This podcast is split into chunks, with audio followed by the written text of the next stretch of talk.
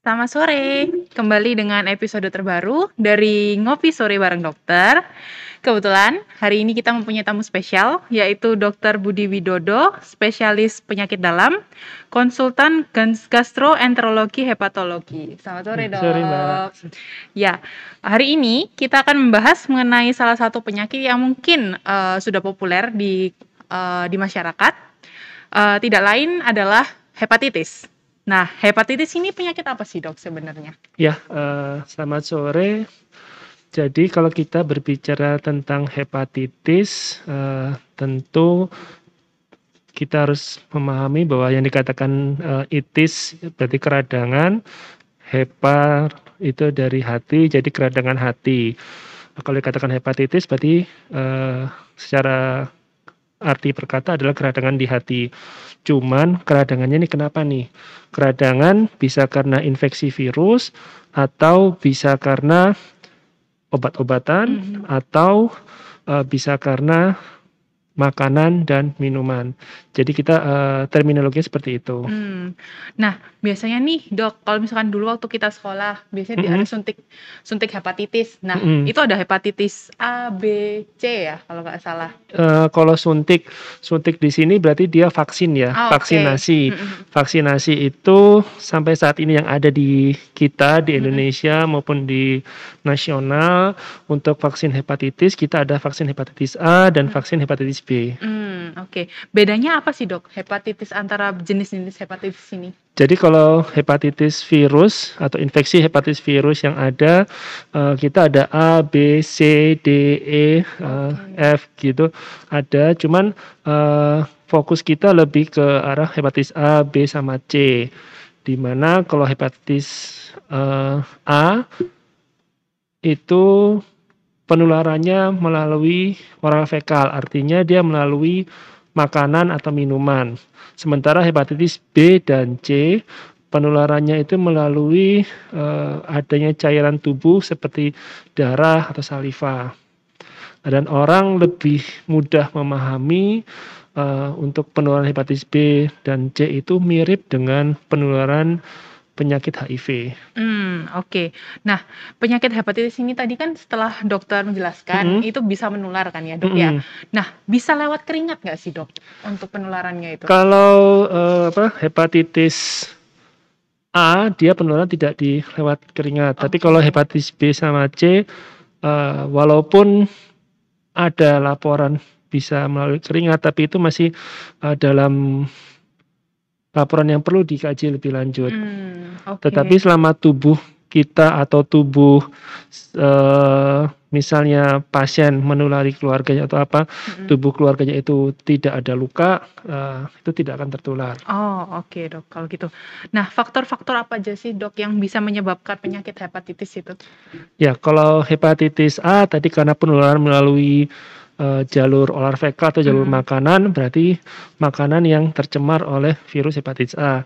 Uh, banyak kejadian yang uh, terjadi misalnya di daerah uh, Jawa Timur bagian selatan, uh, daerah mana Trenggalek apa pernah ada uh, pandemi daerah Surabaya juga ada berarti dia tertular melalui uh, makanan. Mm-hmm. Sementara kalau hepatitis B dan C itu faktor resikonya karena penularannya uh, mirip dengan HIV maka faktor resikonya juga sama dengan HIV seperti oh, okay. dia uh, melakukan uh, seks bebas, hmm.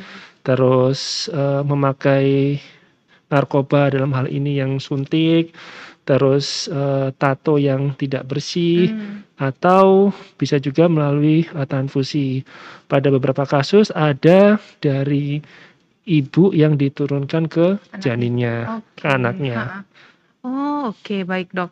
Nah, berarti tadi itu faktor penyebab dari hepatitis ini itu menentukan tipe hepatitis apa yang akan terkena gitu ya, Dok ya? Kalau uh, sebenarnya bukan tipe, kalau tipe itu tergantung dari virus yang menginfeksi. Oh, okay. Jadi uh, faktor ini kita bisa melihat tergantung dari uh, bagaimana cara penularan uh, penyakit hepatitisnya itu sendiri. Hmm. Jadi kalau misalnya hepatitis A melalui makanan, B sama C bisa melalui uh, cairan atau media darah. Hmm. Nah itu dia juga uh, menentukan apa proses penularannya. Oke okay, dok. gejala gejala-gejala yang harus diwaspadai kalau misalkan memang terkena penyakit hepatitis? Kalau gejala-gejala ada yang kita sebut gejala akut dan ada yang uh, kita sebut gejala kronis. Artinya kalau akut pasien itu didahului oleh uh, flu-like syndrome seperti orang terkena infeksi flu. Jadi misalnya badannya jarum-jarum, uh, panas, Mhm. greges, terus kadang ada batuk dan pilek, uh, pusing itu ada. Setelah setelah melalui fase flu-like syndrome, dia memasuki fase ikterik di mana keluhan yang tadi flu-like syndrome tadi membaik dan pasien mulai kuning. Kuning pertama kali terlihat saat pasien uh, buang air kecil atau pasien pada saat uh, apa bercermin maka ngelihat uh, sklera mata atau kita mata kita ada putih-putihnya itu menjadi kuning. Oh, oke. Dan dari situ uh, tapi keluhannya itu membaik. Yang tadi pusing, jarum-jarum mual, muntah dia bisa membaik.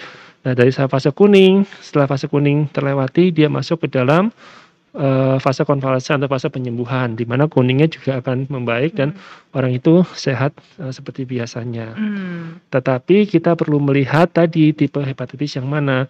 Kalau hepatitis A dia bisa uh, sehat atau sembuh sempurna.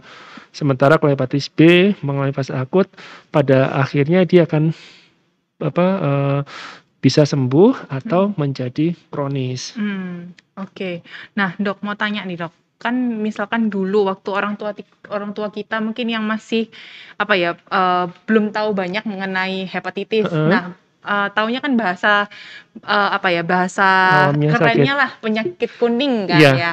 Nah, biasanya bayi-bayi ini yang terkena penyakit kuning akan dijemur di bawah sinar matahari untuk katanya bisa menyembuhkan. Apakah benar, Dok, bisa menyembuhkan? Eh, kalau eh, kuning yang pada bayi dan Mm-mm. kuning karena hepatitis dia Mm-mm. berbeda. Oke. Kalau kuning pada bayi itu eh, kita sebut sebagai icterus neonatorum di mana pada bayi-bayi yang dilahirkan setelah dilahirkan eh, satu atau dua hari itu akan Mm-mm. mengalami kuning.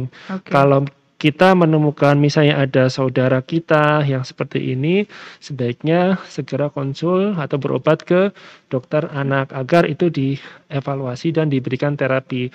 Karena terapinya selain dia eh, dijemur, dia juga eh, juga dilakukan penyinaran dan Hmm. itu adalah eh, yang lebih expert, yang lebih pakar, jelas Hmm. dokter anak. Dokter anak, oke. Iya. Nah, kalau misalkan eh, dalam tahap udah terkena hepatitis nih dok, Mm. eh, yang di tahap mana di mana kita harus ke dokter? Kalau eh, biasanya pada pasien eh, kita telah ketahui gejalanya ada flu-like syndrome, Mm-mm. pada saat flu-like syndrome kadang pasien menganggap oh aku flu biasa nih. Kalau aku flu biasa ya sudah saya makai eh, membeli obat flu yang ada di Hmm, pasaran gitu ya. pasaran. Ha-ha. eh, eh, tapi kalau misalnya tidak membaik begitu biasanya pasien eh, kencingnya kuning atau badannya menjadi kuning, mereka akan berobat ke kita ke dokter. Oke, kalau misalkan udah berobat ke dokter gitu dok, apakah penyakit hepatitis ini bisa sembuh 100%? Eh, kembali lagi tadi eh, di awal kalau penyebabnya hepatitis A dia akan sembuh 100%, tapi kalau hepatitis B ataupun hepatitis C dia bisa eh, sembuh atau dia akan eh, masuk ke dalam fase hepatitis B atau hepatitis C Hmm, kronis. Oke. Iya. Nah, kalau misalkan ke tahap mau ke sembuh 100%, ini Mm-mm. durasinya dalam waktu berapa lama dok? Eh, dari sejak terinfeksi dia bisa kurang lebih sekitar eh, 2 sampai 4 minggu akan eh, sehat. Bisa sembuh Untuk ya? yang eh, hepatitis virus akut yang A ya. Hmm. Yang B juga sama, tapi kalau dia masuk kronis maka kita ada eh, pemantauan lanjutan Hmm. pada pasien ini. Oke dok. Nah tadi dokter kan sempat menyebutkan mengenai vaksin hepatitis Mm-mm, ya. mm-mm. Nah eh, apakah vaksin ini tuh bisa membuat kita kebal dari hepatitis itu sendiri? Eh, sama pada semua jenis vaksin yang ada di kita Mm-mm, itu eh, harapan kita setelah tubuh kita divaksin mm-mm, itu memberikan antibodi. Nah, antibodi ini yang terbentuk eh, diharapkan mampu mengenali eh, virus yang akan masuk ke tubuh si pasien. Eh, untuk vaksin sendiri tidak ada jaminan 100% eh, dia akan kebal, tetapi eh, dengan adanya vaksin diharapkan tubuh kita itu mampu memproteksi Mhm. uh, diri kita atau diri si pasien dari uh, adanya infeksi uh, invasi dari uh, virus Virusnya hepatitis itu tadi. Oke. Jadi tidak ada jaminan nih, uh, sama kayak COVID juga kan kita tidak ada jaminan sudah Mhm, divaksin uh, kita bebas kan Iya, tidak. iya. Oke, baik dok. Eh, nah, ini saya sempat baca-baca nih dok di internet. Mhm. Nah, ada tulisan bahwa eh, penderita hepatitis itu nggak boleh makan atau minum yang mengandung santan. Apakah benar? Kalau dia di uh, fase akut yang fase flu-like syndrome, memang kita tidak menganjurkan dia makan santan atau Mm-mm. makan berlemak. Kenapa? Karena pada fase akut tadi, fase flu- eh, apa flu-like syndrome tadi, pasien mengeluh mual dan muntah sehingga kalau kita kasih santan, dia pasti akan eh, mual atau muntahnya semakin Mm-mm. hebat Mm-mm. atau pada pasien yang dari hepatitis kronis tadi masuk ke dalam sirosis itu juga kita mengurangi Hmm. eh, santan dan apa lemak-lemak yang banyak karena dia akan beresiko juga akan memperburuk kondisi livernya. Oke. Tetapi kalau misalnya ada hepatitis sudah baik eh, tidak ada masalah. Hmm. Cuman eh, yang dititik beratkan adalah eh, makan santan atau berlemak tidak boleh berlebihan. Kenapa? Karena kita bukan melihat hepatitisnya aja, Iya, iya. tapi resiko makanan berlemak atau eh, high fat eh, diet juga akan menimbulkan masalah pada penyakit jantung dan vaskuler. Oke. Oke, Dok. Nah, Dok, kalau misalkan tato atau tindik itu bisa menularkan virus hepatitis atau enggak ya? Ya, eh, tadi di awal Hmm. kalau untuk eh, hepatitis B sama C dia bisa. Mm-mm. Tetapi eh, tato dan tindik yang bagaimana?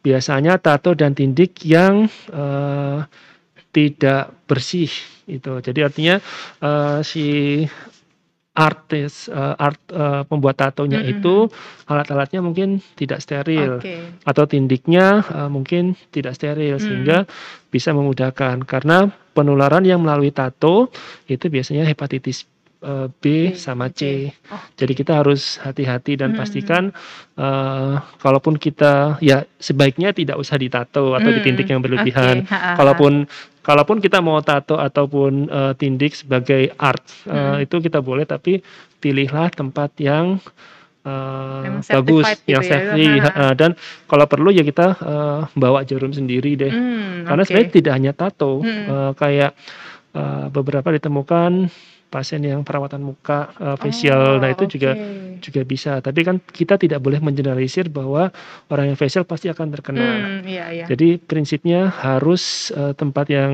safety, yang qualified Mm-mm, juga, mm-mm. yang dia menjaga eh, sterilitas dari alat-alat yang dipakai. Oke. Nah, ada nggak sih dok faktor-faktor pemicu yang bisa membuat eh, kondisi penderita hepatitis ini semakin buruk? Faktor-faktor pemicu kalau dia masuk ke dalam hepatitis kronis Mhm. dengan sendirinya kita eh, harus tahu apakah virusnya ini eh, berkembang. Karena kalau hepatitis kronis prinsipnya kalau daya tahan tubuh kita bagus, maka virusnya akan eh, walaupun dia ada virus di dalam tubuhnya, tetapi daya tahan tubuh itu mampu menahan. Hmm. Pada saat daya tahan tubuh turun, maka virusnya akan mudah berkembang biak. Misalnya pasien-pasien eh, yang dengan keganasan, eh, maka daya tahan tubuh akan turun. Dengan sendirinya virus akan eh, mudah berkembang. Atau pasien-pasien yang mendapatkan terapi yang menekan sistem imun atau dalam hal ini kita misalnya memberikan steroid ataupun Mm-mm. eh, imunosupresan lainnya. Dengan sendirinya dia akan memudahkan si virusnya berkembang. Atau pasien dengan eh, gaya hidup yang tidak baik, Mm-mm. misalnya eh, ya tadi mabuk-mabukan, Mm-mm. narkoba dan sebagainya yang eh, kurang menjaga lifestyle-nya dia, maka memudahkan dia untuk eh, virusnya menjadi berkembang atau reaktivasi. Oke. Nah, hepatitis ini sudah dianggap sebagai sangat berbahaya. Kalau misalkan mencapai tahap mana, dok? Kalau hepatitis ini eh, dari hepatitis akut, kalau Mm-mm. berbahaya itu yang kalau dia masuk ke dalam gagal hati akut. Jadi kalau gagal hati akut itu bisa berjalan dari hepatitis akut atau dari hepatitis kronis yang mengalami eh, end stage liver disease. Hmm. Baru dia masuk ke hepatitis akut. Nah itu kalau sudah seperti itu eh, pilihannya ya kita melakukan transplantasi hati. Hmm. Tetapi eh, secara teori transplantasi bisa, eh, transplantasi pasti bisa. Mm-mm. Cuman tidak semudah uh, membalikan tangan Iya, iya. transplantasi hati karena kita memerlukan donor yang pas terus setelah donor yang ada kita cocokkan pada pasien Mm-mm. apakah dia bisa menerima ternyata dia tidak bisa menerima Mm-mm. kalaupun dia bisa menerima maka langkah selanjutnya apakah ada rejection uh, rejection atau penolakan setelah uh, pasien itu ditransplant ada yang early rejection atau late rejection setelah itu juga kita melihat apakah eh, obat-obatannya diminum karena kan dia eh, tubuh si pasien itu dimasukkan organ lain dengan Mm-mm. sendirinya pasti tubuh si pasien itu akan berusaha menolak maka kita memberikan imunosupresan agar eh, tubuhnya itu tidak menolak hati yang masuk Oke. jadi ya tetap eh, kembali lagi kita menyarankan kepada pasien Mm-mm. kalau setelah transplant ya sudah dia harus apa bergaya hidup sehat dan patuh kepada anjuran dokter dan meminum obat yang teratur. Oke. Nah, eh, untuk ini dok, eh, tips dan trik mungkin untuk mencegah agar tidak terkena penyakit hepatitis ini itu apa aja sih dok? Ya, kalau tadi uraian dari awal Mm-mm. kita yang ada hepatitis concern dan hepatitis A, B sama C, satu eh, kita gaya hidup sehat. Untuk hepatitis A eh, hindari eh, makan-makan atau jajan di tempat-tempat yang kira-kira eh, apa ya eh, Kurang bersih? kemproh deh kurang Aduh. bersih. Kita kan nggak bisa bilang, artinya kita kalau makan oh masa gitu. Jadi kita Mm-mm. tidak boleh mengeneralisir. Iya, iya. Artinya kalau kita ngelihat, aduh kalau kayak gini ya cara nyuci piringnya ya, cara Hmm, apanya, hmm. sebaiknya enggak. Terus kalaupun kita pingin jajan itu, pastikan eh, makanan itu yang fresh. Artinya misalnya nasi goreng dia kan panas, Mm-mm. terus eh, yang berkuah panas, bisa bakso Iya. ataupun soto bulir Ah, bisa ah. panas itu. Terus hindari makan sambelnya. Oke. Terus yang tidak kalah penting karena hepatitis A ada vaksinnya, Mm-mm. maka kita menganjurkan untuk divaksinasi setiap Oke. eh, setahun sekali Ah, ataupun ah, kita melihat bagaimana kadar antibodi dari eh, tubuh si pasien yang telah divaksin. Itu Mm-mm. untuk hepatitis A. Kalau untuk hepatitis B sama C, eh, tipsnya selain tadi gaya hidup sehat, eh, ya kita hindari hal-hal yang memungkinkan terjadinya penularan. Artinya sebisa mungkin kita hindari. Kalau kita misalnya eh, narkoba suntik, eh, kalau kita nggak disuntik kan nggak pakai narkoba, kita nggak ada masalah. Iya. Terus kalau kita seks bebas, eh, seks bebas kalau kita nggak seks bebas kan nggak ada masalah. Justru malah bagus kalau kita setia pada pasangan kita. Mm-mm. Lalu eh ya tadi misalnya tato ataupun perawatan eh, kalau kita memang perlu memang itu kita sebagai art kita ya pilihlah tempat yang baik. Yang menjadi concern kita saat ini adalah bagaimana dengan pasangan kita. Karena pasangan kita eh, sering eh, kita lupa tidak melakukan premarital screening. Hmm. Artinya tidak pernah dicek eh, dulu sangat jarang sekali dicek untuk hepatitis B, hepatitis C dan HIV karena sudah menjadi program. Mm-mm. Tapi sekarang eh, yang akan menikah biasanya dilakukan pengecekan lengkap seperti itu. Oke. Tidak hanya eh, saat menikah, Mm-mm. pada saat eh, hamil juga akan dilakukan pengecekan. Kenapa? Karena hepatitis B sama hepatitis C bisa diturunkan melalui eh, kehamilan. Artinya dari ibu bisa ditularkan kepada eh, bayinya. Yang kedua, kalau pasangan kita eh, ada hepatitis, misalnya kalau pasangan kita ada hepatitis B, misalnya yang laki-laki ada hepatitis B, maka yang perempuan disarankan untuk memiliki antibodi. Oke. Jadi harus melakukan vaksin. Juga sebaliknya kalau yang eh, perempuan yang positif, laki-laki yang tidak, maka yang laki-laki disarankan untuk divaksin Vaksin. agar dia eh, memiliki antibodi. Terus merencanakan proses kehamilan yang Hmm. baik dan melakukan persalinan yang baik. Artinya persalinan juga diperlu dipersiapkan. Kita mempersiapkan ada tiga hal. Satu dari si ibunya dengan sendiri itu dari penyakit dalam. Yang kedua eh, kehamilannya dengan sendiri itu dari dokter kebidanan kandungan atau obgyn. Yang ketiga dari anaknya. Maka itu eh, apa? Dari dokter anak. Jadi, jadi tipsnya itu kita harus Oke. me- apa, harus melihat eh, melindungi diri kita sendiri, Mm. diri- melindungi diri keluarga kita dengan resiko-resiko untuk tertular tadi. Baik dok. Nah, mengingat hari ini adalah hari hepatitis sedunia nih dok, apakah Mm. ada pesan untuk masyarakat di luar sana mungkin yang eh, lagi mendengarkan podcast ini eh, untuk meningkatkan awareness mengenai penyakit hepatitis ini? Ya, eh, pesan saya Dan kami dari National Hospital dengan sendirinya berpesan kepada para pendengar semua nih untuk selalu bergaya hidup sehat, untuk selalu menghindari faktor-faktor resiko tertular uh, infeksi virus hepatitis, lalu untuk selalu melakukan screening secara berkala.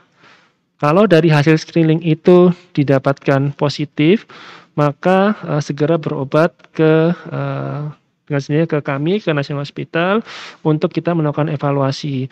Memang dalam pengobatan ada yang diberikan obat dan ada yang tidak diberikan obat.